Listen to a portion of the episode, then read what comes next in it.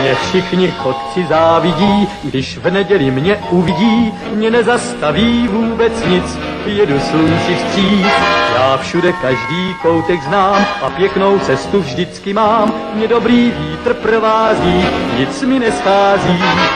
Hello, sziasztok, üdvözlök mindenkit, én András vagyok, ez pedig a Túnák című podcast sorozat legújabb adása. Műsorvezető kollégáim pedig ezúttal Gáspár Öy. és Lóri. Sziasztok! Egy régóta tervezett random adással készültünk az elmúlt hét, illetve hónap filmjeiből, és mielőtt rátérnénk a, az aktuális filmek kibeszélésére, az új hallgatóknak szeretném elmondani, hogy milyen csatornákon keresztül tudtok velünk kapcsolatba lépni, illetve megtalálni.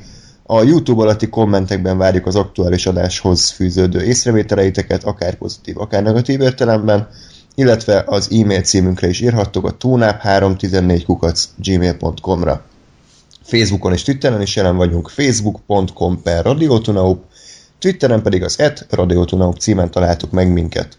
Amit most hallottok, az mondhatni a klasszikus túlnápadás, amikor random filmekről beszélünk, elsősorban a mozi premierekről, hát nem az aktuálisokról, de mondjuk, hogy az egy hónapon belüli időtartományra értendően. Na, akkor szemfényvesztőkről beszéljünk. Ez egy elég régebbi darab a második részről, de olyan mély nyomot hagyott bennünk, hogy azt nem hagyhattuk szó nélkül. Lóri, csak az első részt láttad, mire emlékszel belőle, hogy tetszett? Hát Woody Harrelsonra emlékszem. nem, egyébként én, én tökre élveztem azt. Hát ugye ez a azt hiszem 11. adásunkban van, amikor voltunk ugye a Corbin mozi éjszakán, akkor néztük meg, uh-huh. vagy mozi imádók éjszakája, vagy valami ilyesmi. És tök jó volt, tehát a, az este egyik legjobb filmje volt, sőt, ha nem a legjobb. Igen, bár ez nem a, csak a film érdeme, hanem ugye... Hát jó, hát az az, az évé is, meg a felhozatalé is. Hát azért ne haragudj, szerintem a, a nem, én nem is került a poénba, de nem jut eszembe a film. R.I.P.D. az sokkal jobb volt. Azért az, az jobban beleégett a memóriánkba. Szünet nem. Hát igen, beleégett a memóriámba, azóta nem alszom rendesen. Kiégett a memória chipet. Na hát, Aztán azt az okádék cégéi izét, ami Nem, abban az nem volt. CGI, az mind praktikus nem effektek voltak. Tényleg? Aha, Ne, én, én emlékszem olyanra, hogy volt egy valami nagy ilyen vihar. Igen. Az nagyon csúnyán nézett ki, azt nem hiszem, hogy praktikus effekt volt, de Hát a szemfényvesztőkben inkább, bár azért ott is volt CGI. jó.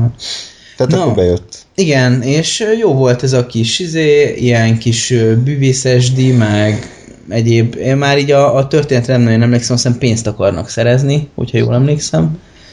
Úgyhogy ilyen kis rablóbanda, azt hiszem a csapatunk. Hát így ötvözték a, a heist filmeket, kicsit ezt a Ocean's Eleven-t a bűvész filmeknek a, az fordulatos okosságával, Igen. és ebből csak a fordulatos az igaz.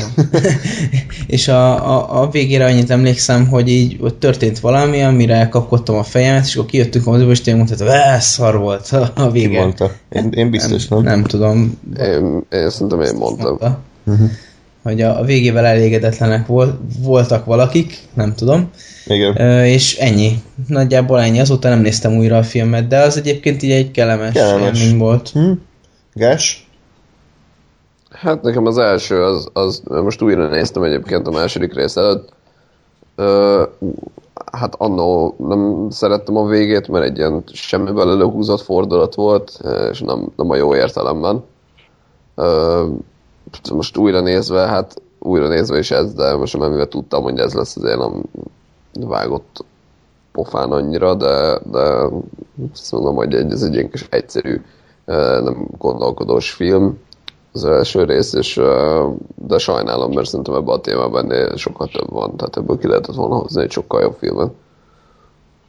Ja. És a második rész? Helyrehozta az elsőnek a hibáit? A második rész egy kalapszar. Akkor tovább is léphetünk. Hát sajnos egyébként azt kell mondjam, hogy a, az első résznek az összes létező hibáját a második is magán hordozza, és még újabb hibákat kreált. Ami új negatívum szerintem, hogy a, a karakterek azok, ha lehet, akkor még kevésbé szerethetőek és még idegesítőbbek.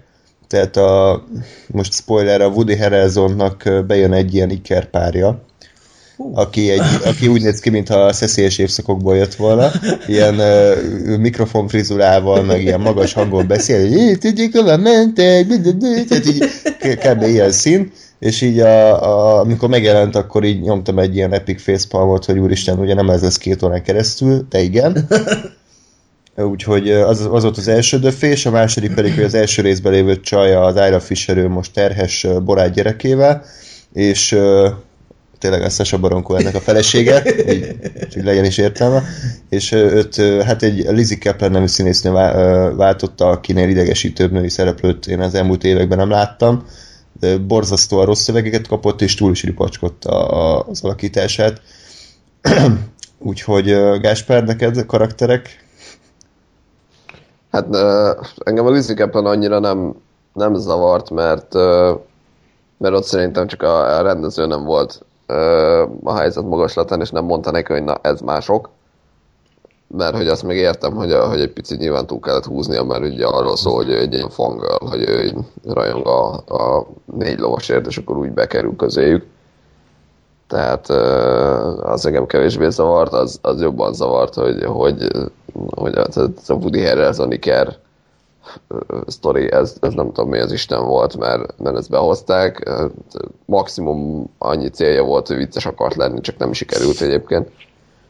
Mert hogy, hogy aztán meg fordulatot vagy sztori szállat semmit nem raktak rá, spoilerek következnek, mert hogy, hogy megvolt ez a helyzet egyébként, ugye, ugye a, a, az ikerpár ez a, a, a rossz fiú mellett állt, a Woody Harrelson meg a jó fiú mellett, és ugye tudjuk, hogy a Woody Harrelson hipnotizált, tehát simán belefért volna egy olyan, hogy vagy, vagy hogy helyet cserélnek valahogy, vagy hogy hipnotizálja a tesóját, és akkor azt hiszik, tehát hogy valami, valami azzal, hogy ők ikrek és helyet tudnának cserélni, ami megint egy, nem egy óriási nagy ötlet, hogy hú, ikrek helyet cserélnek, mert nem tudom hány száz éve ez egy bevett sztori elem, de, de így meg semmi nem volt, és semmi értelme nem volt ennek az egész figurának. Hmm.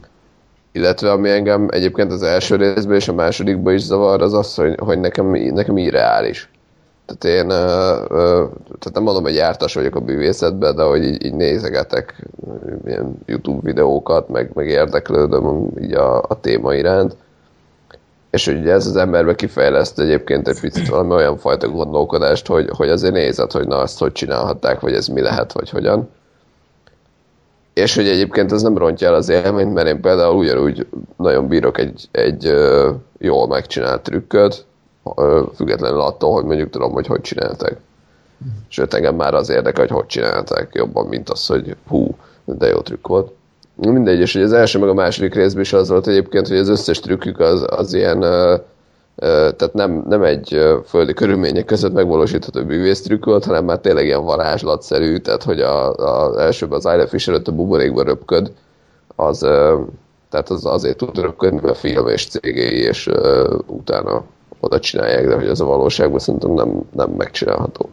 Itt ugye ugyanez, amikor eltűnik az eső, esős padlóban a, a, a Jesse Eisenberg, és, és nekem ez az egész hát, tudom, hogy szériánál, tehát ennél a két filmnél ez engem nagyon zavar, hogy nem, nem az volt, mint például ugye a Prestige-nél, ahol, ahol azért be is vittek minket a trükkök mögé, és láttam, hogy egyrészt hú, de jól lesz ki ez a trükk, meg hú, de menő, másrészt meg az, hogy aha, és így csinálják, hanem itt, itt csak így mutattak ilyen varázslatokat, de hogy ez melyen Harry Potter szintű volt, és nekem ide ez nem illik bele. Igen, tehát a film az azt akarja elhitetni magáról, hogy minden trükk megvalósítható a valóságban is, és ez mind reális. Hát ezt nem hisszük el.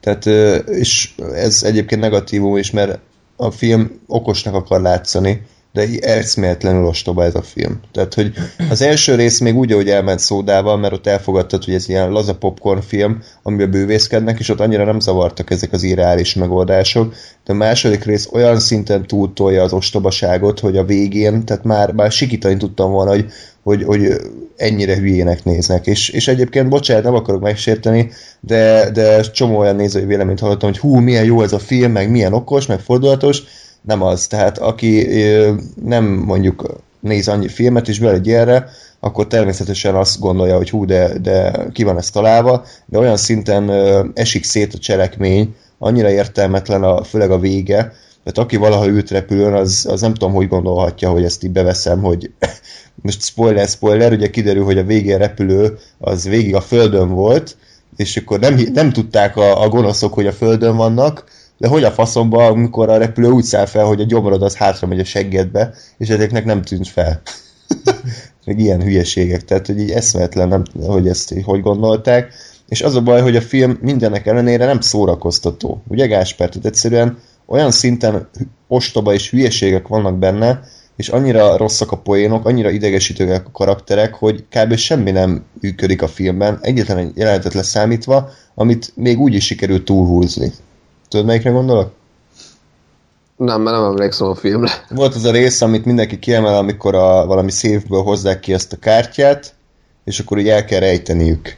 És akkor jönnek az őrök, és akkor hozzák őket, és akkor dobálják egymásra. Igen, szerintem mondjuk az jó volt. Na, ez működött egy két percig, csak az a baj, hogy a jelent az negyed óráig tart, és ugyanazt a két percet ismételgetik újra és újra, és a végén már egy egyre nagyobb baromságokat csinálnak, hogy kb. egy láb között dobja át, meg szaltóval kapja el, meg így a, a nyelvével, és így az, az is ugyanaz, hogy volt egy jó ötletük, egy, egy pont egy határól lévő befogadható szint, hogy ezt még elhiszem, hogy ez így működhet, de annyi, olyan szintet túlhúzták, hogy a végén már így tényleg így a, a bőre alá megy meg, hogy a kiszarja, a másik meg bekapja. Tehát így eszméletlenül túlhúzták azt is, és így az is idegesített egy idő után sajnos. Igen. És mit gondoltál a, a Daniel Radcliffe, mint főgonosz? Jaj. Az a önkérdett kérdéseket teszem, hogy én, én nem bírtam elviselni ezt a filmet, úgyhogy töröltem a memóriámba. Jó. De amúgy engem a tehát szerintem nem játszotta túl annyira brutálisan, tehát vagy, vagy csak a Woody Harrelson miatt nem tűnt annyira soknak, hát Hát nem, nem volt mit eljátszani, mert nem volt karaktere. meg igen, igen, tehát hogy, hogy ilyen kis semmi volt, és, és kb. az volt a poén, hogy hú, a Daniel Radcliffe az, Nem, amit, me- amit meg előttek a trailerbe, tehát hogy sem nagyon lepődtem meg. És hát, ja, azt mondtam még, hogy az óriási fordulat a végé, hogy kiderül, hogy az egyik angol akcentussal beszélő, az a másik angol akcentussal beszélőnek a gyereke, tehát surprise, surprise, senki más nem beszél angol akcentussal a két filmen keresztül. Igen, és a Michael Caine 70 éves volt, amikor a Daniel Radcliffe született. Jó, hát az, az igen, az már a következő Má- más kérdéseket és problematikákat vett fel. Igen.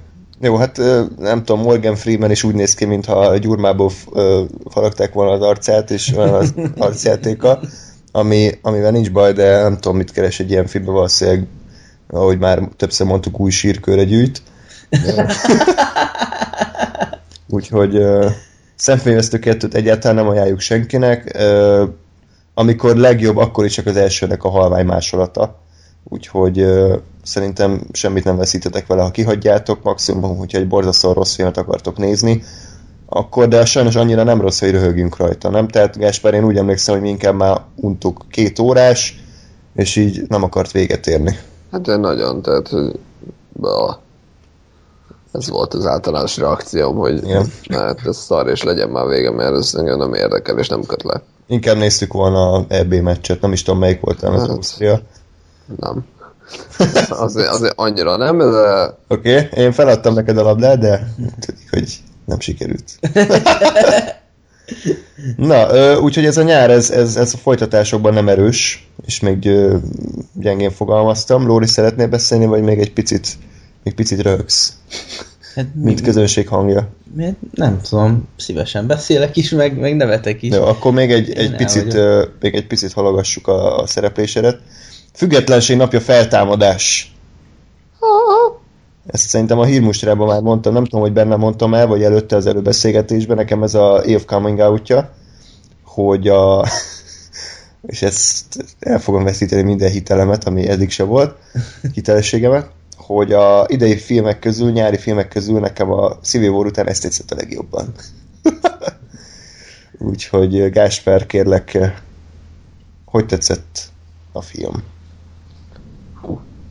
hát én, én kezdem azt, hogy most nem néztem újra az első részt, valamiért, pedig ilyenkor szoktam, de, de mondjuk nagyjából emlékszem rá. Ö, egyébként így visszagondolva azt mondom, hogy ez nem, nem volt egy rossz film. Tehát, hogy nem, nem ütött nagyot, és nem, nem mondom azt, hogy what, ez aztán hú, de ha.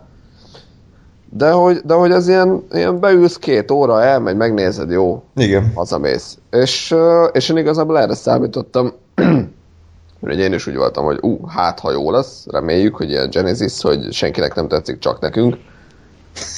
De hogy ugye ugyanakkor meg mindenhol húzták le, hogy ígyszer úgy szar, és, és így valahogy a, a kettő ö, ugye előzetes elvárásból az jött ki, hogy, hogy egy ilyen semmi extrát nem vártam, és azt a semmi extrát megkaptam, és így jó volt, mert, mert nem, nem akarta túl gondolni magát a film, illetve de egy kicsit túl akarta.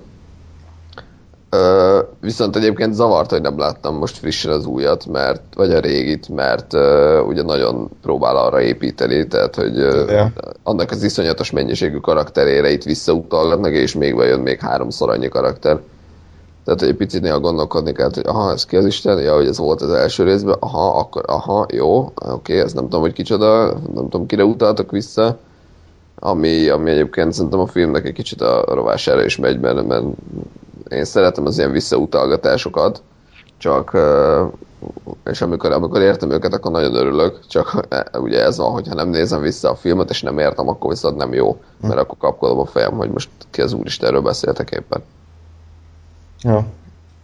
Egyébként én az első résznek egy nagy rajongója vagyok, természetesen a helyén kezelve, tehát ez egy buta blockbuster, de az a fajta buta blockbuster, aminek szerintem van szíve, és még a kicsit retardált is, de úgy, úgy szerettem a karaktereit, a, a látványát, a, és főleg az első felében egyébként az Emerik nagyon meglep, magához képest meglepően jól építi a feszültséget, hogy megérkeznek az idegenek, kitör a, a hisztéria, és lerombolják a városokat, szerintem az a film legjobb része.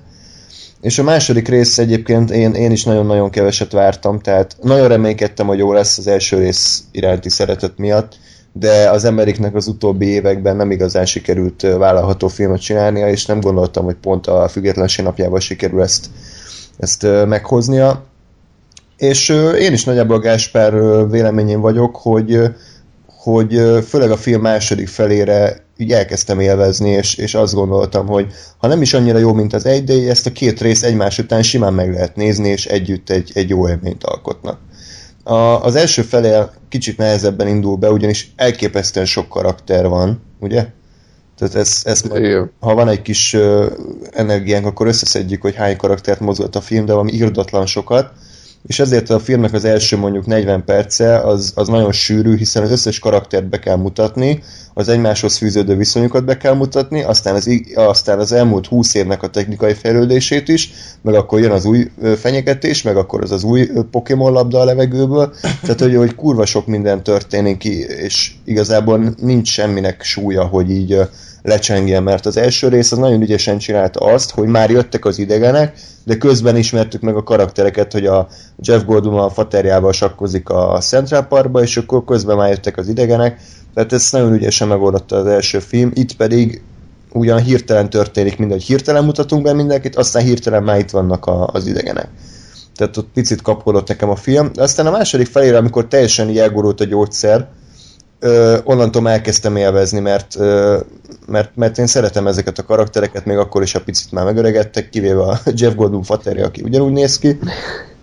Ö, tehát, hogy ö, azt gondoltam, hogy, hogy, hogy az, amit a film akar, hogy engem szórakoztasson a maga buta módján, az, az sikerült. És ellentétben a szemfényvesztőkkel ez nem akar okosnak látszani, ezt tudja magáról, hogy egy buta látványfilm, és hozza azt a szintet.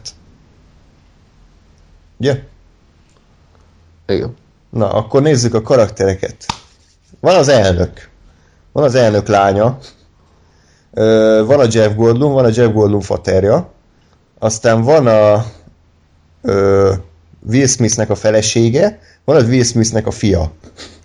Ö, van az új elnöknő, van a, és most még a régieket mondom, van a, a hülye orvos, a Dr. Okun, van a hülye orvosnak a segédje, ez már kilenc. A régiek közül még ki van? Nem tudok nagyon nyilatkozni, mert nem emlékszem a régire. És akkor jönnek az újak. Van a, Bill, a Pullman lányát, azt számoltam már? Mindegy, van. számolt. Igen. Van a Liam Hemsworth, aztán van a, ö, hogy hívják, van a William Fichtner, meg a, az a, a néger izé, macsetés csávó, meg van az el, a könyvelő, akiből hős lesz, tehát Jaj. meg van a kínai nő, meg van a, a Liam Hemsworthnek a hülye pilótatársa, meg a, meg a kutya, meg a hörcsög, meg mind, tehát mindenki benne van, és így, és így ugye ez azt eredményezi, eredményezi, hogy igazából nincs főszereplője a filmnek, hanem így, így mindenki egy kis szeretett magáénak szed, ami, ami azért nem jó, mert így nincs igazából kihez azonosulni, tehát azt nem mondhatjuk, hogy a Liam Hemsworth a főszereplő, mert alig szerepel a filmben. Azt nem, gond, nem mondhatjuk, hogy a Jeff Goldblum, mert ő meg nem csinál semmit, csak áll a szobába. Tehát, és a végén iskolabuszt vezet. De várjál, azt, amit a majmokból ötből lopottál? Igen. Na, és egyébként ami még tetszett a filmben, az egyrészt a, a, a világépítés, tehát hogy ez a 20 év alatt ugye hogy változott a, a földi technológia, hogy az idegenek technológiáját felhasználva, hogy egy, egy fejlettebb civilizációt tudtunk létrehozni, illetve az a Pokémon labdás fordulat is, hogy viszonylag működött. Nem? Igen, nekem az, nekem az, Lori, te egyébként ezt láttad, vagy most csak így a levegőből beszélünk feléd? Ja, én nem láttam. Ja, jó. Oké. Ö, Szóval az, az nekem tökre bejött, egy kicsit, kicsit valahogy kevéske volt, vagy nem tudom, de ez megint csak olyan, hogy egy picit ha erősebb a forgatókönyv, akkor ez még jobban működött volna. Spoilerek következnek. De hogy nekem, nekem az nagyon tetszett, hogy, hogy, ö, hogy kiderül, hogy a végén, hogy ez egy, ez egy tök másik ö, idegenfaj, és hogy ezek küzdenek azokkal az űrlényekkel, akiket már ismerünk. Ö, Nekem ez egy nagyon jó, nagyon jó fordulat volt, csak, csak tényleg nagyon elvitte a filmet az, hogy, hogy be kellett mutatni ezt a 96 karaktert. És ha mondjuk azt mondom, hogy vagy, vagy csak az újak vannak, és úgy közben visszautalgatunk, meg mondjuk felbukkan egy darab Jeff Goldblum, és, vagy egy darab Bill Pullman, vagy akkor azt mondjuk, hogy akkor nézzük meg csak az öregeket, és akkor legyen, mit tudom én, egy vagy két ilyen uh, ifjú titán az egészben, és akkor szóljon erről a sztori, akkor, akkor azt mondom, hogy jobb is lett volna, meg kevesebb karakter, meg jobban belefért volna ez az egész másik uh, lényesdi. Így, hogy ugye mind a kettő akart lenni, így egy kicsit zsúfolt volt tényleg, és, és helyenként nehezen követhető, de, de a végén, amikor meg beindult az akció, akkor meg, meg megint, megint jó volt, és szórakoztató volt. Így van. Úgyhogy mondom, ez egy, ez egy, ez, én mondanám, hogy ez egy rossz film, de egy olyan fajta rossz film, ami igazából ártalmatlan, és, és hogyha nem, nem akarod, hogy, hogy nem akarod, hogy ez egy okos film, akkor igazából működik. Tehát mm, ilyenek is kellenek, nem, nem mindig csak Interstellar, nem tudom mi. Ez, ez a maga módján működik, nem bosszant fel, vannak benne egyébként meglepően, na, annyira nem vicces, mint az első rész, de azért vannak benne jó, jó szövegek a, a Jet Hirsch mondja, hogy az apád egy pöcs, meg hasonló, meg hogy ne állj a sárga vonalon túl, tehát iskolabuszon egy csomó ilyen jó beköpés volt egyébként, úgyhogy nekem főleg azok tetszettek, ami az első részben, és a Jeff Goldblum meg a Faterja, akik veszekednek. Tehát ezek működtek, az új karaktereknek a poénjai erőltetettek voltak, ö, az nem is kéne, és természetesen kínai szereplőt is bele kellett tenni a filmbe, hiszen manapság a hollywoodi filmeknek egy nagyon nagy százaléka már kínai pénzből készül, és a kínai piacra szállják, úgyhogy ezért volt ez a, az a csaj benne. Kicsit kedvezzenek a, a közönségnek. Úgyhogy, ö, hát ö, egyébként a vége is érdekes, ugye ilyen intergalaktikus háborút vetnek fel, nem tudom, arra az még megvan-e, Gás? Mm, persze. Úgyhogy az, az is így, így érdekes, hogy végre, tehát nem, nem úgy zárják le a filmet, hogy hú, megmenekültünk ilyen, és akkor megíjön, a, meg, megíjön egy hajó, hanem hogyha lesz harmadik rész, akkor az már egy picit más, más sztorival büszkékedhet, mert valljuk be, ez gyakorlatilag ugyanaz volt, mint az első, csak CG-vel és nem makettekkel.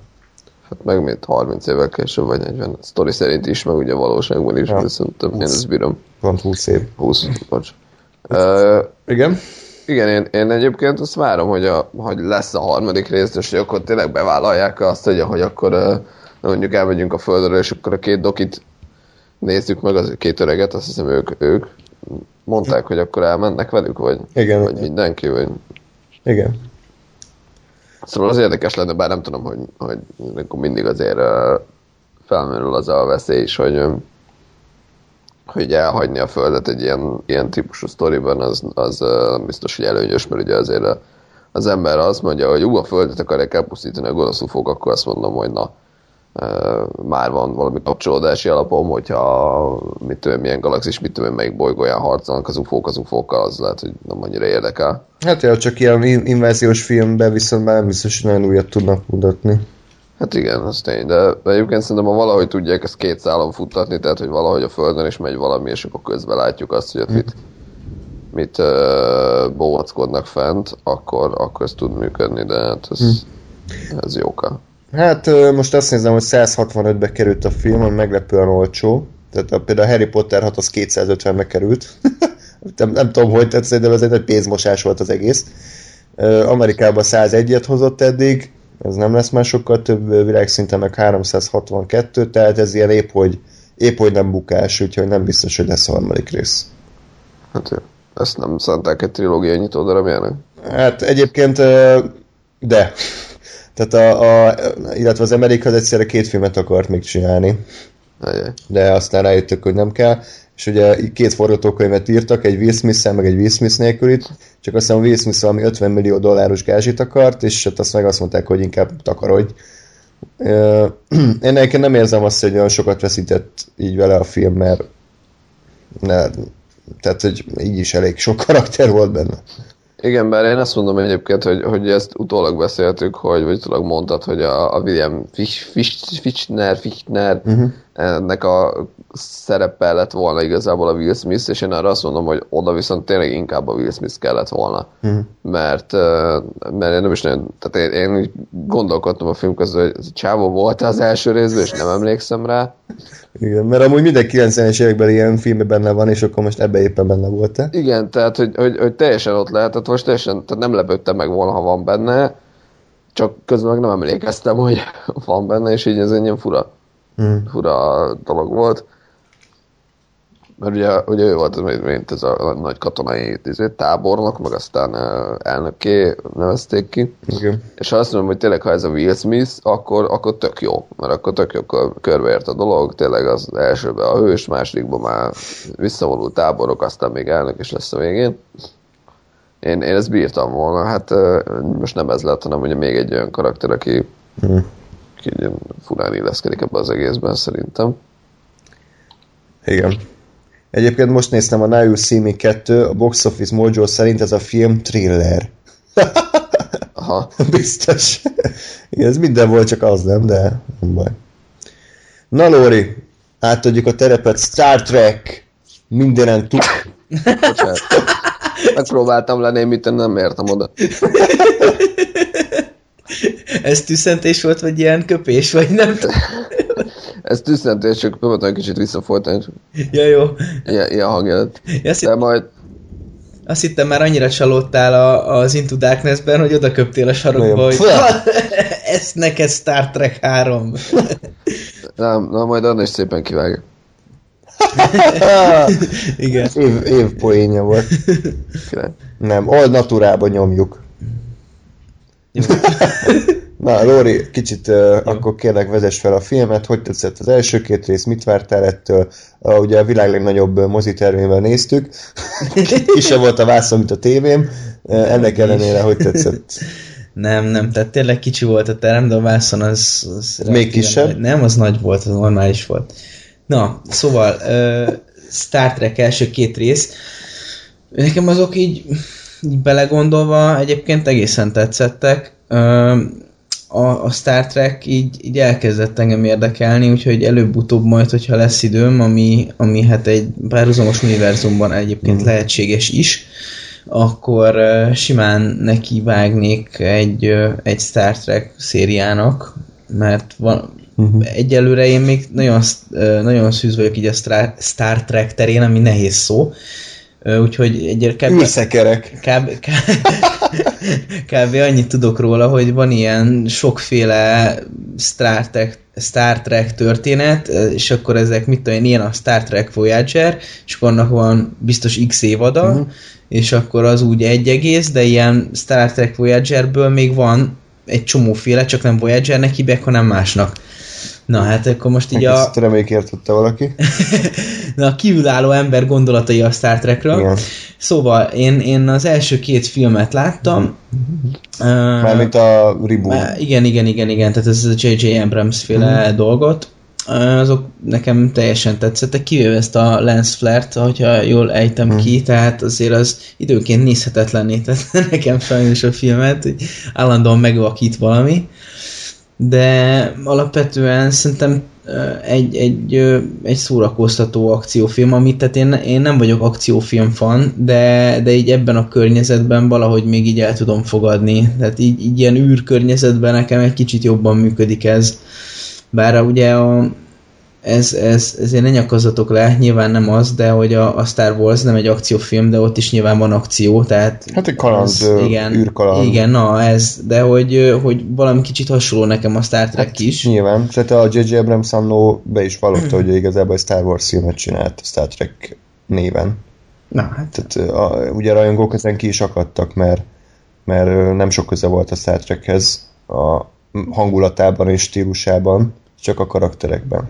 Persze, de hát most mondom én ezt mindet, mindezt úgy, hogy én nem láttam azokat a, a sorozatokat, de, de így kívülállóként most én, én úgy közelítem meg a dolgot, hogy miért is csinálná meg ugyanazt. Tehát Hát, nem azt mondom, hogy a korigényekhez kellene szabni azt, hogy, azt, hogy ő mit csinál, de, de mondjuk mindenképpen a saját egyéniségéhez mindenképpen. Tehát, hát pont, hogy a korigényekhez szabta, és nem, nem a retrót nyomta.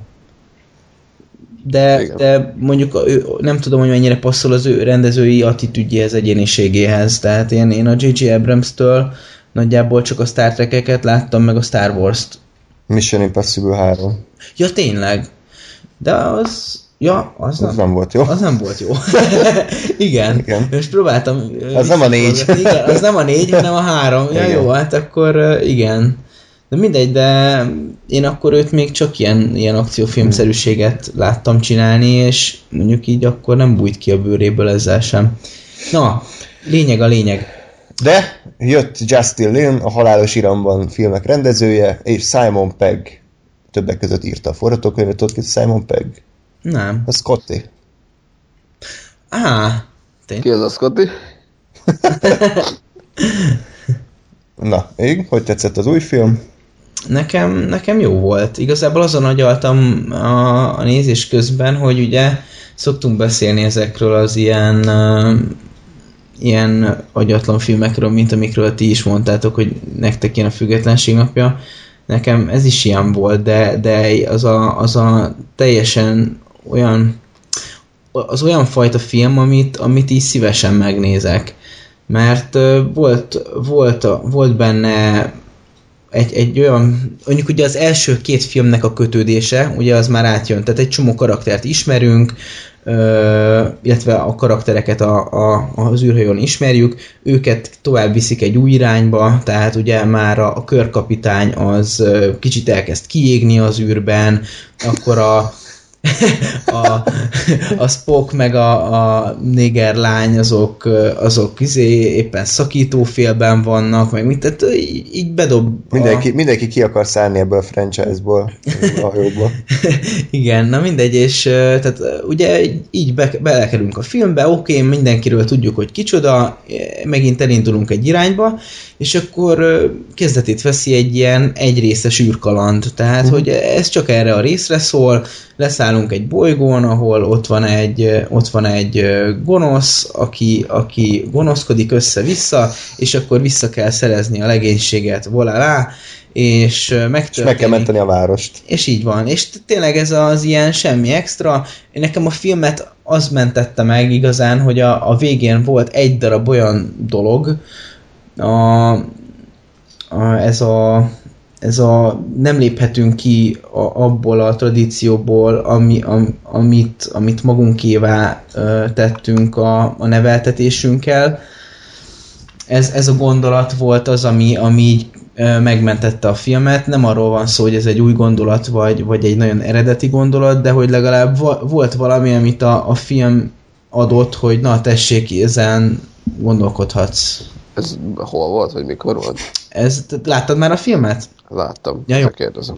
A végén, amikor, amikor ott bunyózik a Körk meg a, a Král, vagy nem tudom, hogy mondják Igen. az a nevét, Stringable. akkor, akkor, akkor, akkor mondja a gonosz csávó, hogy, hogy ő, ő, ő már pedig mindenképpen visszát fog szítani, mert ő katona, és tudja, hogy csak ez az egyetlen út, ami kivezetheti ebből a, az állapotból az emberiséget, ebből a tunyaságból, ebből a, a szarból, ahova jutottak, és akkor ugye ennek e- a, amikor legyőzi a körk, akkor arra az a válasza, hogy, hogy én, inkább, én, én inkább viszont inkább meghalok, mint sem, hogy, mint sem, hogy hagyjam, hogy háborút szítsam, mert én, én, meg, én meg ebben az időszakban nőttem föl.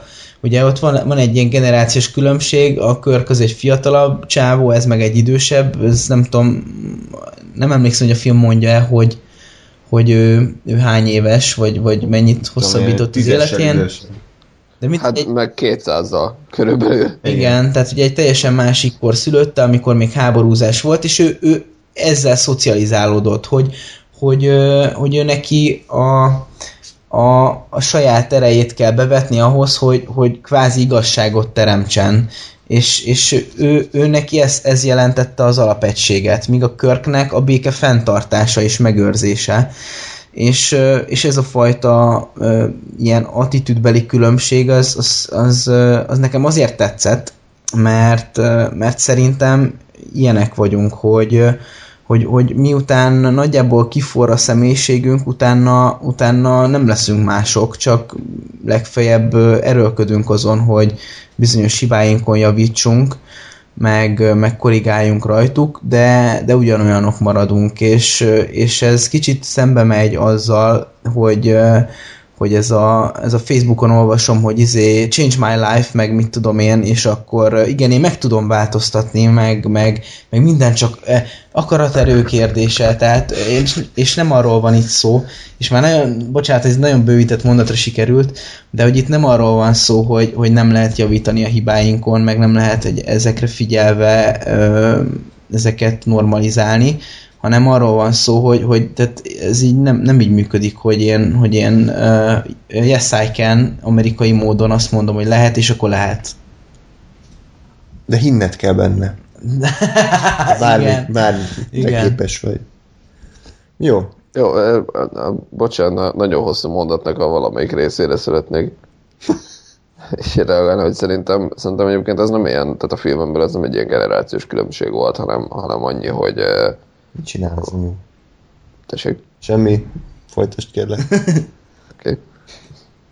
Hanem, hogy, hogy csak most megint egy kicsit magam ellen megyek, mert ugye egy a Star Trek univerzumot valamennyire ismerve, ugye, ugye azon, hogy a, a föderáció megalapítása előtt volt ugye az, hogy itt háborúk voltak, meg stb., amit ugye emlegetnek. De ugye a föderáció, hogy mondják, ez nem egy ö, fegyveres egység, hanem az egy, ez egy ilyen, ö, mint a, a, nem tudom, az ENSZ, vagy a fent tudja valami ilyesmi, tehát hogy ők békések, és ugye az az egész föderációnak a, az alap gondolata, hogy nem, nem, tehát hogy felfedezünk, megismerjük a, a, a többi világot, megismerjük az új fajokat, és akkor azokat is szépen egy ilyen nagy ö, bolygóközi szövetségbe összerakjuk, és akkor az nekünk jó lesz. Tehát, hogy itt szerintem nem, nem a generáció különbség volt a lényeg, hanem az, hogy, hogy, hogy egy ilyen háború kontra pacifista ö, megközelítés. És hogy ugye a, a Král az, az a, teljesen a háborúban látta az erőt, a, a, a körkék meg ugye az egységben, tehát abban, hogy összefogunk és együtt együtt dolgozunk, és hogy úgy fogjuk előre mozdítani a dolgokat.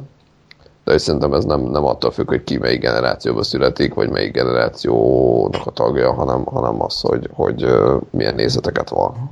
Szerintem, szerintem att, attól, attól viszont ide tartozik, most nem kif- lehet, hogy nem a legszentsésebb szó volt a generációs különbség, viszont uh, szerintem nem teljesen, uh, nem, nem teljesen rossz, ugyanis, ha belegondolsz, ugye a Král, uh, amikor, amikor ő aktív uh, volt uh, így a tevékenységében emberként, akkor, akkor ő háborúzott. Utána elbetődött erre a bolygóra, és ő kvázi egy szerzetesként élt ezen a bolygón, ahol csak azon, csak azon a bolygón volt. Tehát, hogy az, az már egy teljesen más tészta.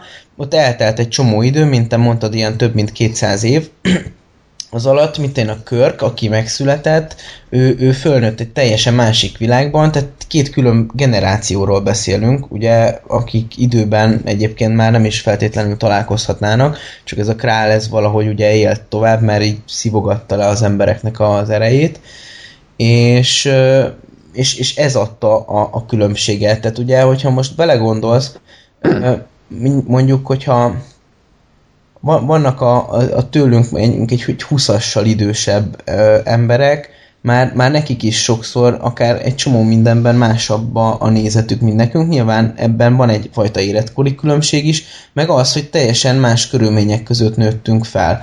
A, a, a, a, a felnövési körülményeknek egy csomó ráhatása van az emberre. Úgyhogy Ez... valahogy ide próbáltam kiukadni. Ez világos, csak én azt mondom, hogy szerintem maga, magának a filmnek, a, vagy ennek az egész gondolati körnek nem az volt a lényege, hogy, hogy a generáció különbség, hanem a, hanem a nézet különbség, és az, hogy egyébként ők más generáció voltak, az, az pusztán azért kellett, hogy, a, hogy bele tudják integrálni a, a Star Trek-nek az univerzumába. Jó, igen, így értem. Jó, oké. Okay. Igen, mert én nem vagyok képben annyira Star Trek történelmével, de, de nem hiszem, hogy arról volt szó, hogy régen csak háború volt, most meg csak béke van, hanem mindig volt mind a kettő, és ugye ezek két állandó nézőpontot képviselő szeméről van szó akik nagyjából így párhuzamosan vannak egymás mellett, ahogy a mi világunkban is egyébként ugyanez a helyzet, nem? Hogy valaki a háború, és a, a harc mellett van valaki meg inkább a béke ez így tök igaz, viszont így most belegondolva, tehát így a, a, a az előző filmekbe, ugye, tehát nagy, nagy rész ugye a föderációs legénységet láttad, ott mindenki a, a békéért uh, mozdult meg, és mindig jött valami külső hülye arcú ember, aki meg háborút akart.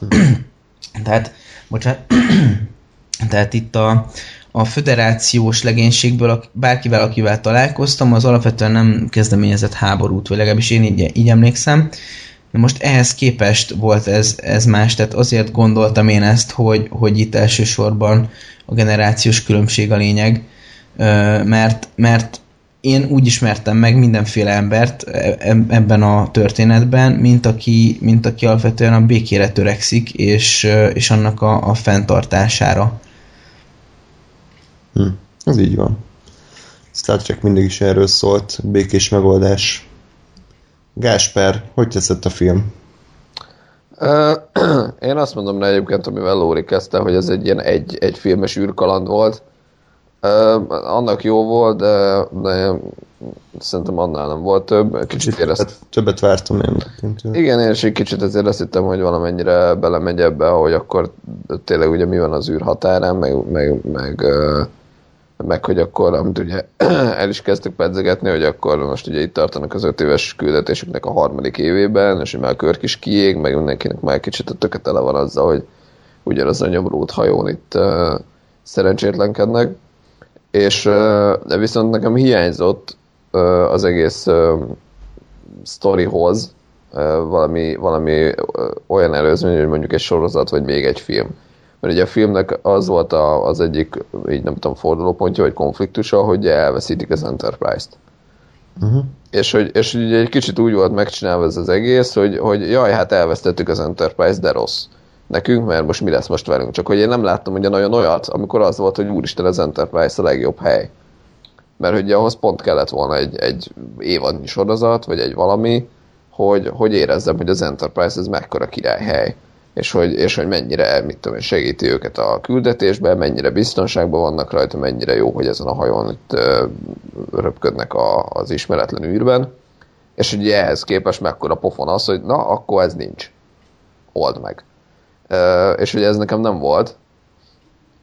Ö, a másik meg, hogy, hogy azért én is éreztem, hogy a Simon Pegg nem egy gyakorlott forgatókönyvíró, mert ugye csomó, csomó elem az az volt, hogy egyszer megemlítik, és aztán abból lesz valami. És ezt csak, csak azért említették meg azt a bizonyos valamit, hogy, hogy ezen később azt fel lehessen használni. Lásd, ugye bemegy a Scotty a, a, a Jaylához, és, és ugye, hát zenét hallgat hangosan. Hát, milyen vicces. Uh-huh. és ugye elmondja, hogy ú, ez hangos és zavaró és aztán ugye, tudom én, egy órával később, kell valami hangos és zavaró. Hmm, vajon mi lehet az? és, és ilyenben volt még kettő-három, és én azt mondtam, hogy így, én így elmosolyogtam rajta, mert nem, nem volt zavaró, meg nem volt nagyon, tudom, idegesítő, de hogy azért így ott volt, hogy azért Ez a forgatókönyvíró kurzus első órája lecke. Igen, meg, meg mondjuk egyen jobb, mintha nem lenne beexponálva, tehát hogyha, hogy egyen jobb, mintha az van csak, hogy, hogy a seggükből húzzák elő, tehát ez is egy kicsit erőltetett, de, de nem én ezt így elmosolyogtam, hogy jó van, oké. Okay. Meg nekem alapvetően tetszett, hogy a, hogy a végén, ugye még itt a nagy Kral Fight előtt azt a, a, a ilyen, a rajt, ezt a mély rajt, azt ugye egy ilyen kvázi tudományos, vagy egy ilyen tudományosnak hangzó módszerrel, és ugyanakkor meg egy tök cool módszerrel zúzták le, hogy ugye kitalálták, hogy hú, magas frekvencián kell nekik valami zajt kiadni, és akkor az majd jól megzavarja őket, ugye ez volt a, a jó kis Star Trek-es ilyen tudományos, áltudományos Aha. Hát, duma, és aztán ezt felhúzták ugye a mai, mai ö, igényekhez, vagy a mai elvárásokhoz, hogy akkor nem az volt, hogy akkor ott közé repültek a hajóval, és akkor egy ilyen ezt hallottad, hanem hogy akkor oda basszuk a rockzenét, és akkor keményen. ami hiányolta, hogy nem valami Skrillex-t vagy Floride-et nyomatta. Mondjuk a Florida-t azt szerintem mindenki megzavarodna, mert igen, akkor a igen. szar. De azok a körkék is megölik magukat. Egy, egyébként ezt az Ákossal beszéltük, hogy ez így oké, okay, támad a marsba is ugyanez volt a végén, hogy a, a öreg nyugernének a borzalmas zenéje felrobbantotta az ufoknak az agyát, úgyhogy gyakorlatilag itt is ugyanez volt, de se baj. Jó, de meg ugye nekem tetszett az, hogy azért hogy ráhúzták azt, hogy az a szám volt, amire annó a kiskörk csapat hát, igen, mondjuk nekem ez inkább ilyen, túl, ilyen túlerőltetett, hogy hú, pont az a szám, ami, ami a trailerben is benne volt, meg az egy rock szám, ami eddig a Star Trek filmben volt, pont azt nyomatják, tehát ez ilyen... Ne. Nekem nem volt erőltetett, mert ő csak annyi volt, hogy a Körk ugye azt mondta, hogy jó választás, és így ennyivel elengedték, és a helye meg meg volt. Tehát, hogy, hogy érted, nem az volt, hogy, hogy mit tudom én, valami ö, oda nem illő szám, és csak, a, csak a, az easter egg miatt ö, erőltették, hanem, hanem, hanem nekem ennek így volt helye ott, és, és emiatt tetszett, hogy Meg egyébként rit, ritkán csinált, hogy én most úgy emlékszem, hogy ritkán csináltak ilyen nagyon nagy ö, nagy totálokat a filmben, és, és ez mondjuk az egyik ilyen volt, amikor ott a Mirai megy szembe az Enterprise-zal, Hmm. és közben szól ez a zene, azért az jó, biztos most megkövezne minden izé ilyen Origin Star Trek fan, de azt szerintem elég cool volt. Jó. Nekem fura élmény volt ez a film, mert ugye bizonyos szempontból javított az első két epizódnak a hibáin, tehát hogy kevésbé volt ilyen sablonakció, hogy akkor jön a gonosz, akinek elpusztították a családját, és akkor ő is elpusztítja a családodat, illetve nem volt ö, lens flare, Ö, főleg a második részben ilyen teljesen balfasz dolgok voltak, hogy meghal a körk, aztán feltámad, ami, ami teljesen súlytalanná teszi a, az izgalmat. Tehát, hogy, és, és ugye sokan problémáztak azzal, hogy miért a Földön játszódik a, a nagy része a Star Trek filmeknek, amikor ez alapvetően az űr felfedezéséről szólna. Tehát mindezeket a hibákat kiavította a Star Trek Beyond, ugyanis az űrben játszódik, nincs köze a Földhöz, vannak benne viszonylag filozófikusabb gondolatok, de, de én azt éreztem, hogy mindez ellen, ennek ellenére ez, ez nem egy olyan határozott lépés egy másik irányba, hanem ez inkább csak egy ilyen sasszé, egy, nem tudom, ennek van értelme, egy, egy, egy klasszikusabb Star Trek irányba. Tehát, hogy a Simon Peggék, mert azért nem csak ő írta, hanem kb. öten írták, csak kettőt írtak ki a stáblistán, ők nem, nem annyira jó írók, mint amennyire jó ötleteik vannak, meg amennyire jó volt a, az ötlet maga, hogy, hogy ez a film miről fog szólni, mert ö, szerintem ti is így ültetek a, a moziban, és nem éreztétek azt, hogy hú, hát ez mekkora dolog, hanem inkább csak úgy korrekt. Nem? Tehát végig volt egy korrekt szint, a poénok is korrektek voltak, de, de inkább kínosak, vagy nem viccesek, a fordulatok ö, kilométerekről ö, egyértelműek voltak. Nekem a filmnek a középső része ott a bolygón az bevallom őszintén elég unalmas volt, hiszen pontosan tudtam, hogy igen, most az lesz, hogy akkor a, a csíkos fejű nővel akkor felszabadítják, de a gonosz már elindult, tehát hogy így, ajaj, hallasz Gásper? Beszélj, beszélj. Itt vagy Gásper? én itt vagyok. Jó, csak itt kiírt valami problémát. Tehát, Jó, hogy, nálam is elmentetek egy kicsit, de megvagytak. jó, tehát, hogy mind, mindig uh, ilyen kiszámítható fordulatokkal operált a film, és igazából nekem a, ezek a nagy uh, szátrekkes gondolatok sem igazán működtek. Uh, úgyhogy nekem fura volt ez a film, néha működött, néha nem, de összességében én azt mondanám, hogy, hogy a, az első részt azt jobban élveztem, kb. a másodikkal van egy szinten, uh, élvezhetőségben, még, még meg kell emlékszem, sajnos nekem ez egy ilyen könnyen felejthető alkotás volt, ami úgy lement, de, de nincs nagyon bennem készítés, hogy újra nézzem. És mint trilógia, hogyha azt nézik, hogy ez egy trilógia, mert a színészek azt hiszem három része írtak alá, így picit uh, luftot rugott, mert ugye nem nagyon kötődött az első kettő, az nem érzem azt, hogy lezártak volna valamit. Tehát, hogyha nem készül új uh, film ezekkel a színészekkel, akkor ez picit olyan, olyan semmilyen befejezés. Hát de én azt nem tekinteném azért úgy trilógiának, mint mondjuk a Batman, ez valamikor nekem is úgy közben azt hiszem eszembe jutott, hogy, hogy azért ez nem, nem, nem egy úgy trilógia, mint mondom mondjuk a Dark Knight, hogy nem, nem ugyanaz a rendező, nem, nem egy ilyen nagy történet, pedig egyébként tök jó lenne. Ja igen, ez a- azért jutott eszembe, mert ugye megint csak ez, amikor a Kirk lamentál azzal, hogy na most akkor mi van, meg akkor eddig, eddig az apám élete, az ugye ez egy ösvény volt, de hogy most akkor mi lesz velem. Tehát, hogy ez, ez tök jó lett volna, hogyha, hogyha ez tényleg egy olyan trilógia, ami, ami ide eljut. Hogy az elsőbe akkor szépen felfedezi, felfedezik az űrt, meg megtudja, hogy akkor ő kicsoda valójában, ugye egy ilyen ön, önfelfedezés, a második az valami ilyen nagyobb kaland, vagy nagyobb veszély, és akkor a harmadik része megjöhet a, az a, elgondolkozom az életemen, és akkor kijövök a végén valami pozitív üzenettel. Na most ugye ehhez kellett volna egy olyan rendező, vagy egy olyan, olyan csapat, akik, akik ugye végig ott vannak, és akik ezt ö, tudják, és egybe tartják, hát ez ugye itt nem volt. Úgyhogy, úgyhogy nekem is egyébként ez egy ilyen, tényleg ez egy ilyen egyszerű űrkaland, egy, egy jó rész valamelyik s- szériából, de hogy ez annál több, több nekem is nagyon volt. De mint olyan meg nekem működött. Jó. Öm, mit akartam még? Egyébként ez a film nem annyira egyszerűen készült el, mert ugye egyrészt a J.J. Abrams uh, lamentált azon, hogy most visszatérjen vagy se, de hát végül ugye a Star Wars választotta, és eredetileg a Roberto Orci lett volna az író meg a rendező. Úristen! El is kezdődtek a munkálatok, de aztán rejtélyes oknál fogva kirúgták. Vajon miért? De az eredeti forrazókönyv vázlatai azért megmaradtak, és akkor jött a Simon Pegg meg a haverja, és Justin Lint ültették a rendezői székbe. Ti mit gondoltatok, hogy éreztétek el, hogy más, hogy nem J.J. Abrams jobb volt-e, rosszabb -e, vagy igazából nem volt semmi extra? Én azt mondom, én inkább a Simon Pegget éreztem a, a, azon, hogy azért az egésznek egy egyre könnyedebb hangulata volt. Tehát, hogy azért mondjuk az új, új széria az alapos volt olyan nagyon, nagyon komoly. Tehát, hogy azért ott poénkodtak a korábbi részekben, és most ebből valamivel több volt. Mondom, én, én, én, én a Simon Pegget éreztem inkább. A, a Justin annyiba, annyiba volt, hogy nem kurta el. Tehát, hogy nem ilyen, nem ilyen nagyon nagyatlan uh, dara lett belőle, hanem azért volt. Csak mondom, lehet, hogy ez is inkább a Simon Pegg könyvének a, a annak köszönhető. Lóri? Igen. Hát én, én igazából, mivel nem néztem újra most az első kettőt, így nem, nem tudok egy ilyen egy ilyen nagy ívet végighúzni, hogy most a, az Abrams féle első két filmnél mi a különbség. A, lát, a látvány az, az így nekem egy egybe visszajött, tehát az már kidolgozott, kiforrott volt, azt tovább vitték. Így, így rendezésben nem tudom megmondani, mert, Hát mert nem volt Lance Feller. Igen, hát a- az volt az egyetlen különbség, amit egyébként én díjaztam.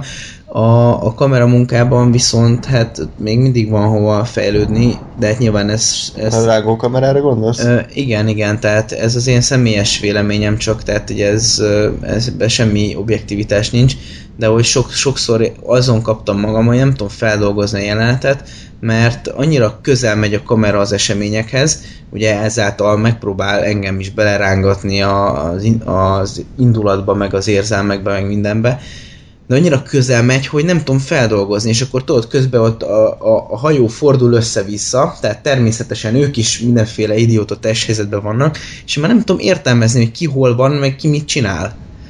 És így, uh-huh.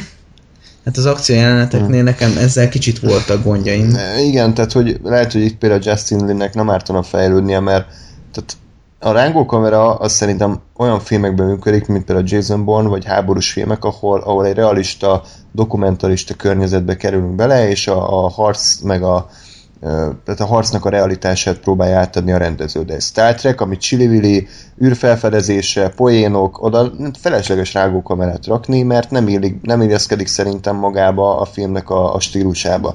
Tehát, hogy a normális távolról felvett, szépen vágott jelenteket láttunk volna, akkor szerintem az, az jobban passzolt volna a stílushoz, mint így, hogy ilyen, ilyen idegrángásos bunyók vannak.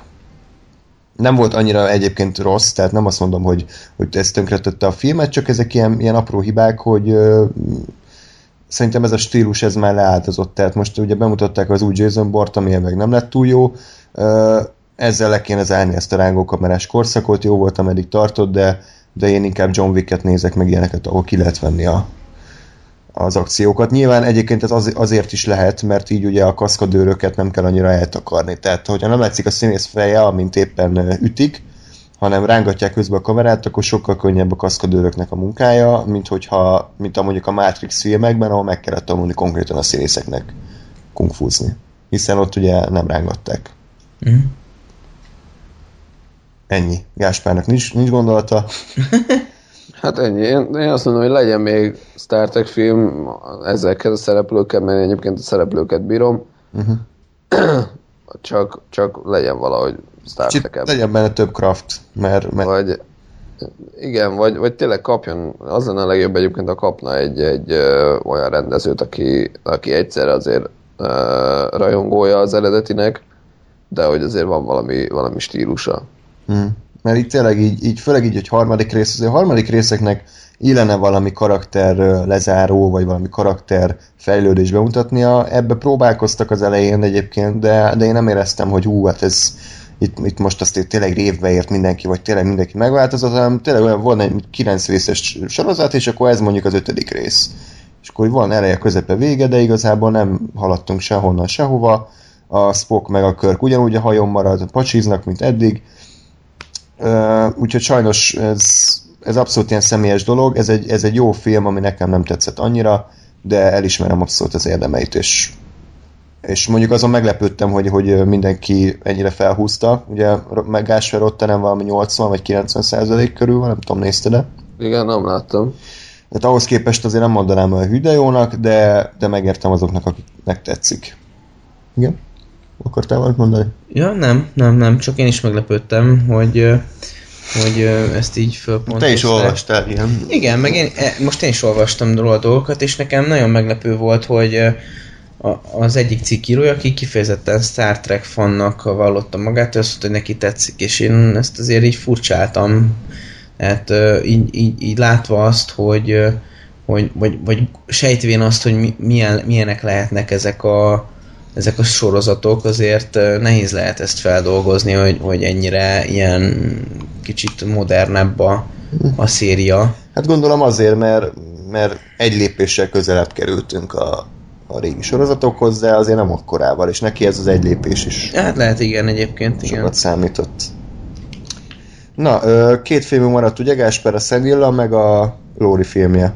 Ugye? Elvileg nincs más. Uh, ja. Jó, akkor gyorsan ö, intézzük el a pénz nyomában, ö, Szendila nyomában, ami ö, elég egyértelmű. Én, én elég szkeptikus vagyok, de szerintem ez úgy jött létre ez a film, hogy a rendező megcsinálta John Cartert, amivel a Disney 250 millió dollár bukott, és hát így kb. minden lehetőséget elvettek tőle, hogy ő valaha ilyen projektekbe vegyen részt, és mit csinál a csávó? Hát akkor visszamegyek ahhoz a franchise-hoz, ami dollármilliókat hozott nekem, meg az egész a Disneynek, és megcsinálta a Nemo nyomában a folytatását. a nyomában címmel, fogta az egyik mellékkaraktert, aki közepesen volt csak idegesítő, és akkor rá felhúzott egy filmet. Nekem ez nem volt egy túl szimpatikus hozzáállás, mert tényleg ilyen erőltetett pénzszag, pénzgyártószagú koncepciónak tűnt, és a trélerek, trélerek se győztek meg túlzottan. Ehhez képest azt kell mondjam, hogy egyébként a film az úgy volt. Tehát a Pixar közepes szintet hozta, Láttunk már sokkal jobb Pixar filmeket, de sokkal rosszabbakat is. Én abszolút ilyen középkategóriának mondanám. lement egyszer, ő, igazából a Kautsky Armandos bemutásokat leszámítva, nem voltak benne ilyen, ilyen mindfuck, vagy ilyen különlegesen pozitív vagy negatív irányba megmozgató dolgok. Uh, közben így Közben lőnek. lőnek már, igen, kitört a harmadik világháború. Um, ja, nem idegesítette annyira a Szenilla sem, tetszett ez a, ez a szülőt keresünk szál, tehát voltak benne a flashbackekben főleg ilyen azért Pixar szinten, hogy mondjam, ilyen érzékeny dolgok, tehát ilyen szomorúbb pillanatok, de, de a filmnek a vége számomra egy picit túl idétlenné vált, amikor a Poli vezeti az autót, és akkor a hal navigál, tehát ez, ez már átment ilyen dedóba, ami, amire nekem nem volt szükségem. Dióiban ennyi. Gáspár, te jössz. Körülbelül ugyanez, hogy, hogy én is azt éreztem, hogy azért ez, ez nem, nem egy olyan óriási eredeti ötletből született ez a film, hanem tényleg annyi, hogy volt egy sikeres film, ennek volt egy sikeres sztoria, volt benne egy olyan mellékkarakter, akire lehet, hogy fel lehet húzni egy filmet, de, de hogy azért ez önmagában nem volt egy nagy eresztés. Um, és igen, ez a vége, amit te is mondasz, ez azért már nekem is egy kicsit úgy sok volt, hogy azért ez már talán nem kéne. A... Akartam valamit mondani. Ja igen, az nem tetszett egyébként, hogy, hogy a Nemo nyomában annak a, a sztori felépítése dramaturgiai szempontból az, az nekem nagyon működött. Mert ott tényleg az volt, hogy elveszik a, a, a gyerek, és akkor a gyerek ugye próbál túlélni, ezzel párhuzamosan meg a fater találja, mert próbálja megtalálni a gyereket. És ez egy jó, jó uh, uh, sztori volt, mert ugye az volt, hogy, tehát, hogy volt benne egy konfliktus, és, és nem tehát, hogy, és működött a sztori, és nem, nem működtetni kellett, vagy nem, nem kellett néha oldalba rúgni, hogy történjen valami. Itt ez az egész, ez nekem, nekem ilyen oldalba rúgós volt, mert, mert itt én azt éreztem, hogy, hogy ez a sztori ez arról szólt, hogy, hogy uh, hirtelen eszébe jutott a szenélának, hogy oh, oda kell mennem, és akkor á, menjünk oda. És akkor oda mentek. Igen. Tehát, hogy Igen.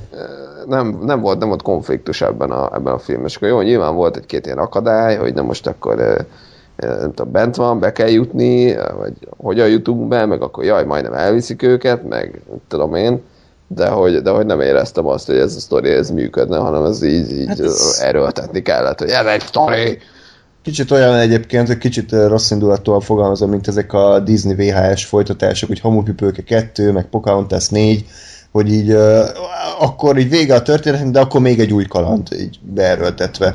És itt is ez volt, a Pixar azért mondom elég profi ahhoz, hogy ezt így uh, normálisan tálalja, de, de én is azt éreztem, hogy igazából nincs nagyon negatív erő a filmben, nincs miért izgulni, úgy is tudjuk, hogy megtalálja a családját, uh, erre sor fog kerülni, ez egy ilyen kis idétlen kaland, ami működik gyerekeknek biztosan, de, de azért az első részhez képest kevésbé erős, ugye? Igen, igen. Én az első részt bírom, mert ott mondom, jók a, jók a karakterek, meg érdekel a sztori, meg, Hm. meg ilyesmi. Itt, itt is egyébként egy, egy jó jelenet sor volt, ami tetszett, az amikor, amikor ugye párhuzamosan próbál bejutni a, a Nemo a Faterral, meg a Szenilla ebbe a, a laborba, vagy mi az Isten ez, vázisra. Ö, és ugye ott látjuk ilyen, van egy pár tök jó kép, hogy, hogy a háttérben látom, hogy ott a Szenilla éppen hogyan akar bejutni, az előtérben a Némóék, és aztán váltunk, tehát hogy ott, ott, ott az egy jó kör volt, de hát ez volt, nem tudom, másfél perc a filmben, Uh-huh. uh, többi ez meg szó-szó. És hát Kautsky Armand, az pedig Miért? teljesen értelmezhetetlen volt. Igen. Jó, úgyhogy azt mondom, aki imádta az első részt, annak mindenképpen ajánljuk, mert, mert nem alázza meg azt, a karakterek ugyanolyanok, az új karakterek rendben vannak, a film szórakoztató, leköt, ügyesen össze van rakva, de annyira azért nem erőteljes és nem drámai, mint akár az Inside Out, vagy a Volley, vagy a Nemo nyomában. Egyébként érdekes módon a nyári filmek közül ez hozta eddig a legtöbb pénzt, tehát iszonyatosan nagy bevételt produkált. Igazából nem sajnálom tőle, mert mert mondom, egy igényesen összerakott film, de hogyha idén egy kedvenc animációs mozit kéne mondanom, akkor én abszolút az Utópiát vagy Zootropolis választanám, mert abba, abba éreztem azt a plusz kreatív energiát, ami innen hiányzott. Ugye Gás? Tehát ott tényleg Hát és, így, és így éreztük, hogy ez, ez kreatív ötletekből született, itt viszont kicsit ilyen, na jó, akkor találjunk ki valamit, és akkor ültek, izzadtak, és ezt találták ki. Hát ez egy ilyen recept volt, én azt mondtam, azt hiszem a film után, hogy, hogy megvan, hogy jó, most akkor ide kell egy fordulatot berakni, most egy kicsit legyen rosszabb főszereplőnek, aztán legyen egy kicsit jó, Mm. az legyen a végén egy nagy akció, és akkor ez van. happy end. Tehát, hogy, hogy ezt így megnézték, hogy hogy kell jó forgatókönyvet írni, Igen, ez a... és, és akkor úgy megírták, de hogy, de hogy ötlet az nem nagyon volt benne ezen kívül. profi középszer. Lóri, és te mert mondtad nekem, hogy az első film a kedvenc filmed, amit valaha láttál. Mit gondolsz? A Nemo nyomában? Igen. Én, én nem nagyon élveztem azt. Én úgy ér... én... Hát Ja! figyelj, én egyszer láttam, de akkor a, akkor a következő dolgok voltak a fejemben. Ott is hogy- a felirattal volt baj, hogy nem érezkedett? Nem, Ja. nem, nem. A, Türkménül volt. de figyelj, most ezt a, a, akkor néztem talán... Klingon nyelven néztük. Azt, azt hiszem, hogy jöttem valahonnan haza buszon, és tudod, akkor mindig beraknak ilyen szarokat, hogy nézzétek parasztok, és akkor A volánbuszon? nem, nem, hát mit tudom, sítáborból, vagy mit tudom én, bárhonnan random helyről, Mhm. és akkor eltűnt egy hal, akkor őt meg kell keresni, fúha, nagyon izgalmas, beszélő halak úszkálnak, egymást keresve, meg majdnem ledarálja az egyiket egy daráló, azt hiszem, meg és így, ah, jó, mindegy. Tehát, hogy így lehet, hogy a körülményekkel volt gond, de nekem a Nemo mondjuk nyomában az... volt? Gimnáziumban volt? Hát kb. ott Gondolom, akkor tehát- ciki volt szeretni, és akkor így menősködte, és hát mi ez a szar? Nem, nem, nem, abszolút nem. Tehát, hogy így nem arról volt szó, hogy izé, hogy Ö, mi ez a mind, fasz? mind, mind nálatok a fiútábor a Schindler listájánál, hogy, azért, hogy kirögtétek a filmet. Igen, végig trollkodtuk. Igen. Ne, nem erről volt szó, meg olyan nálunk is volt, tehát hogy tud, emlékeztek -e ezekre a kötelező filmekre, a, tehát nálunk volt a Temetetlen Halott, meg a meg a, itt volt egy pár ilyen 56 cseppvér, Hát a szabadságszerelem. igen, szabadságszerelem, és ott végig izé szarakodtunk. Igen. De igen, de ez nem Lehet, hogy nem ártana újra nézned, de úgyse fogod. Hát egy, nem most, majd, hogyha lesz gyerekem, akkor, akkor újra nézem Hát vele. így, így már, hogy profi műsorvezető vagy és filmesztéta, lehet, hogy jobban tudod értékelni a filmet. Filmesztéta, úristen! Igen. Hú, de nagy szavak ezek rólam. Írd be az önéletrajzodba. igen, igen, mindenképpen. Szóval nem tudom, én lehet, hogy nem jó pillanatban néztem meg a filmet, de én nekem az ilyen... Hm. Meg előtte éppen hacket ettél, pláne. igen. Ja, az jó volt. Na, akkor az utolsó filmmel zárjuk az adást, mégpedig egy igazi klasszikussal. Ugye hamarosan ez a film is 20 éves lesz, úgyhogy írtozatosan öregek vagyunk sajnos. Jim Carrey egy olyan alkotását vettük elő, amikor még úgy tűnt, hogy lesz karrierje az emberünknek, és ö, nem a filmbarátok százon méltatott ember a holdóról beszélünk, hanem egy évvel korábbi, mégpedig Lóri, mi ez? A Truman Show. Miért nézted meg ezt a filmet? Azért, azért, mert beszéltük, hogy mi- mivel készülhetnék az adásra, és így legyen az, hogy izé, nézd meg valamit az IMDb top 100-ból, jó? Nem, Lóri, volt választásod, megnézed a függetlenség napját, vagy a szemlélát, és megnézed a Truman Show-t. Igen. Úgyhogy Hát ja, hát ja, mert tehát a függetlenség napja az egy ilyen, ahogy említettétek, agyatlan akciófilm. A, a Szenila nyomában, az a Nemo nyomában miatt nem Mhm. érdekelt, Igen. úgyhogy így úgy döntöttem, hogy egyébként is már régen cseszegettem ezt az IMDb top 100-at, itt az ideje tovább nézegetni róla a filmeket. Most már egyébként lassan annyira kilövöm, hogy most már tényleg csak az ilyen 50-es évekbeli filmek Jaj, vannak dehogy is, hát ez biztos, hogy nem így van. de egyébként tényleg egész Nem. jó haladok vele. Közösséges bűnözőket még nem láttuk. Azt még nem. Ah, Jó van, de mindegy, maradjunk a témánál. maradjunk. És akkor hát És ez amúgy, bocsánat, ez hanyadik, vagy ez hol áll, nem tudod nagyjából? Ú, nem. Jó, mindegy, nem benne van. Benne van. Oké. Okay. Na mindegy, és hát kigyűjtöttem pár filmet, és valamiért ez nyert. Nem tudom megmondani, hogy miért, milyen algoritmussal számoltam ki. De egy szenzációsan jó döntés volt, egy kiváló élmény, és, és nem, nem, nem méltatlan az IMDb top 100, tehát hogy a minden idők 100 legkedveltebb filmjében lévő 210. ö, szerephez. 210 Ja, Aha. bocsánat, akkor A elnézést. legjobb százból a 210. Igen, akkor tényleg végiggörgettem az egész listát. Jó. Jó, jaj, bocsánat, hát akkor igen. Nem baj. Na mindegy, akkor nem méltatlan, mindegy. Visszavonom a filmesztét a levelet, és Nem tettek róla, hogy nem raktak rá elég pozitív izét, rájelzést, vagy nem, nem pakoltak elég tízestre. Hát Lóri, ilyenkor szépen azt kell csinálni, hogy csinálsz 860 kamu felhasználat, és felhúzod 10 per 10, és akkor feljön. Igen. És erre teszem fel az életemet, hogy én otthon ülök, és akkor 10 per 10-eseket rakok a trup. Nem, mert ez, ez két hétig nem azt is megvan. Ennyi. És ez megvan. Na jó, szóval ö, most én, én rám akarod testálni, hogy én beszéljek a film történetéről? hát, mert ez, ezt, ez egy klasszikus, tehát szerintem a, nagy, a hallgatók nagy része ismeri, de azért dióhéjban foglald össze. hát de biztos, hogy ezt jó, szívesen, de Van egy ember, akiről kiderül, hogy egy valóságsóban él, amiről azt hitte, hogy az a világ. tessék. Így van. Na, hát ezt így kell kettő mondatban összefoglalni. Úgyhogy uh, igazából én elsősorban nem is a, a film történetével szeretnék itt most foglalkozni, hanem, hanem mondjuk egy, egy pár olyan dologgal, ami, ami a film nézés kapcsán eszembe jutott. Először is maga a, a kreatív ötlet, ami a, a, a film alapját képezi, hogy, hogy a főszereplőnk az életének a főszereplője. Tehát ugye a főszereplőnknek van egy valóságsója, amiről ő nem tud, hogy van, de van. És, és így emberek leülnek, nézik, és a, a, az életét követve így azt hiszik, hogy ők is részesei az ő életének, egy ilyen kis ö, kedvenc, aki minden, minden otthonba be, bekúszott, és, és, és ott van az embereknek a, az életében. Hát ő, ő ugye a fősünk, ő a Truman, és ö, egyébként ez egy tök érdekes gondolat, ez már egymilliószor az én fejemben is lejátszódott, hogy, hogy mi van, hogyha, hogyha a, az élet az úgy néz ki, hogy, hogy vagyok én, mert én tudom, hogy vagyok valamiért, tehát hogy így meg tudom magamat fogni, mindig vannak gondolataim, vagy bármi.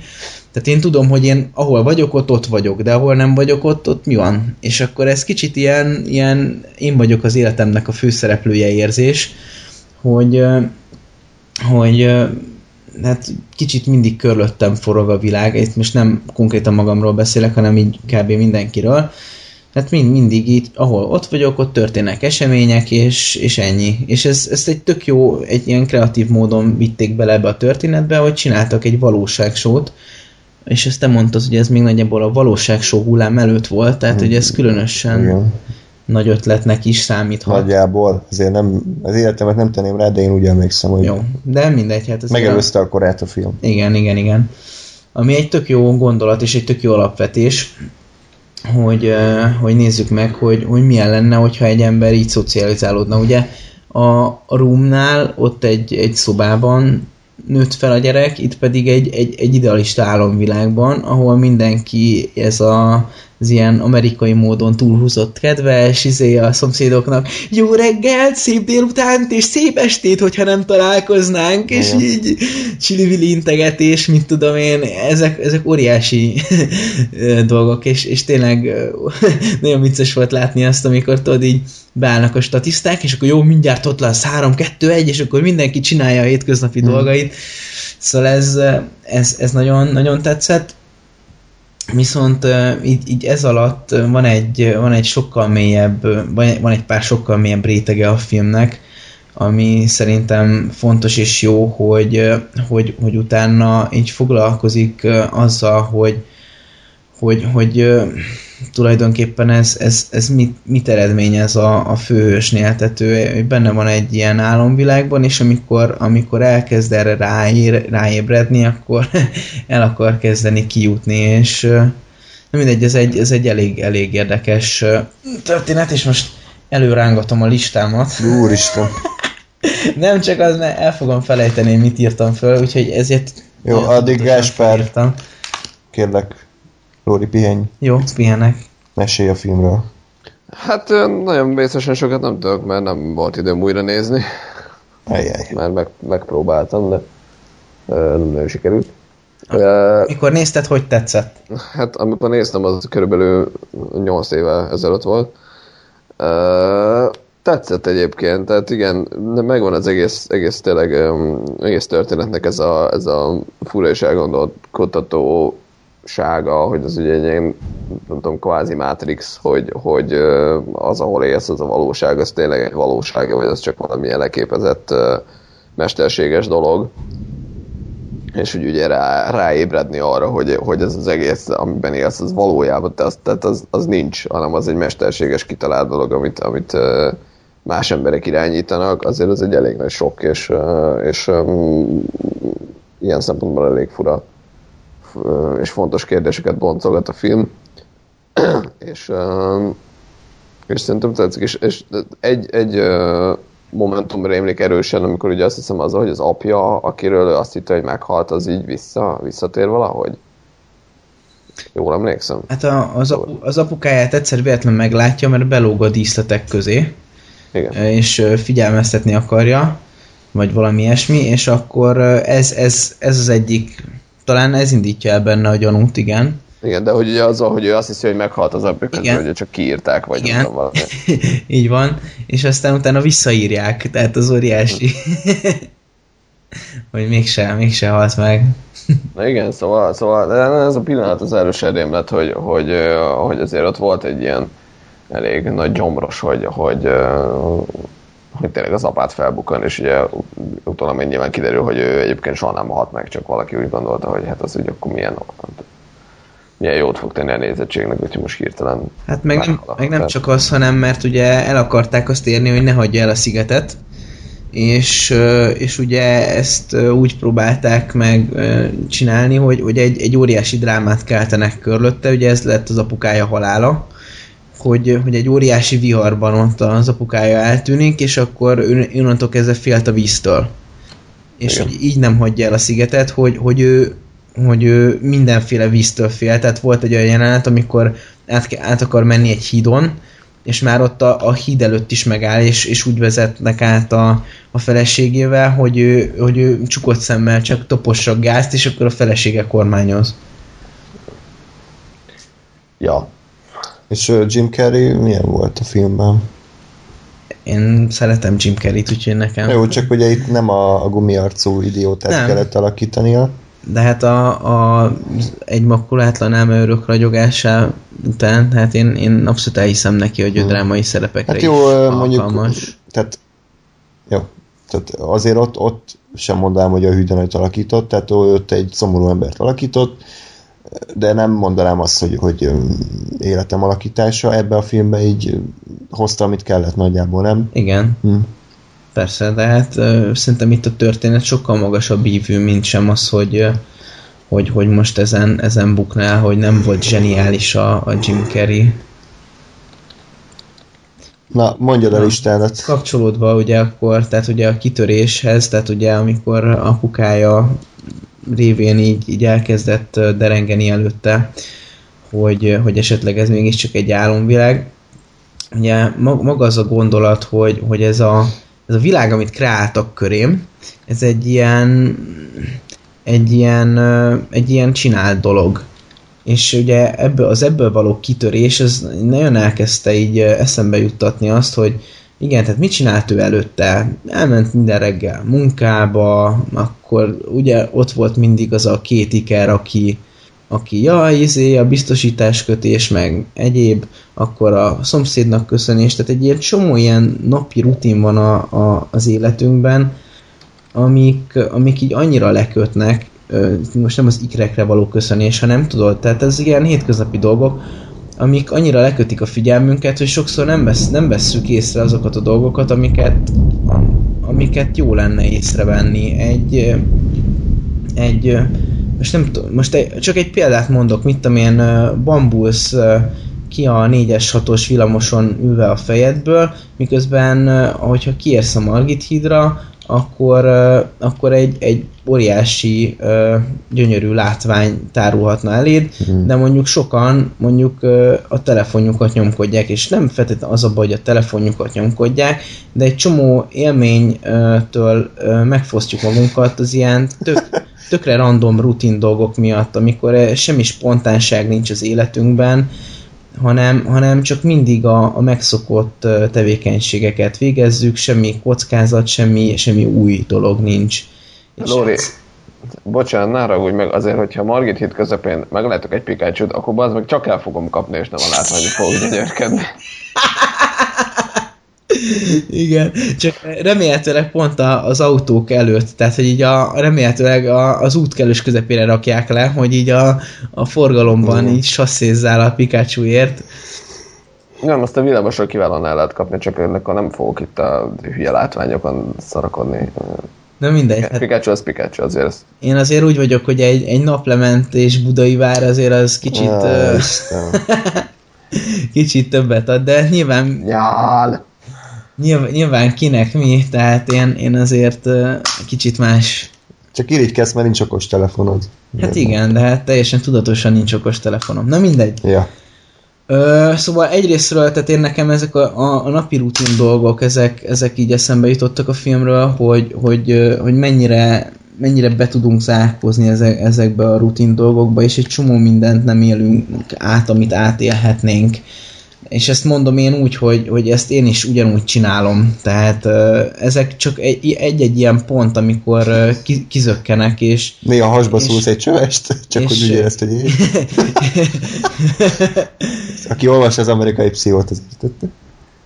Igen? Igen, és uh, szóval tehát ezek nekem is egy, egy, egy, egy ilyen figyelmeztető tábla, hogy, hogy igen, erre, erre kell figyelni, hogy, hogy, hogy igenis csináljunk dolgokat, és, és mozduljunk ki a, a megszokott rutinból, mert, mert, mert muszáj.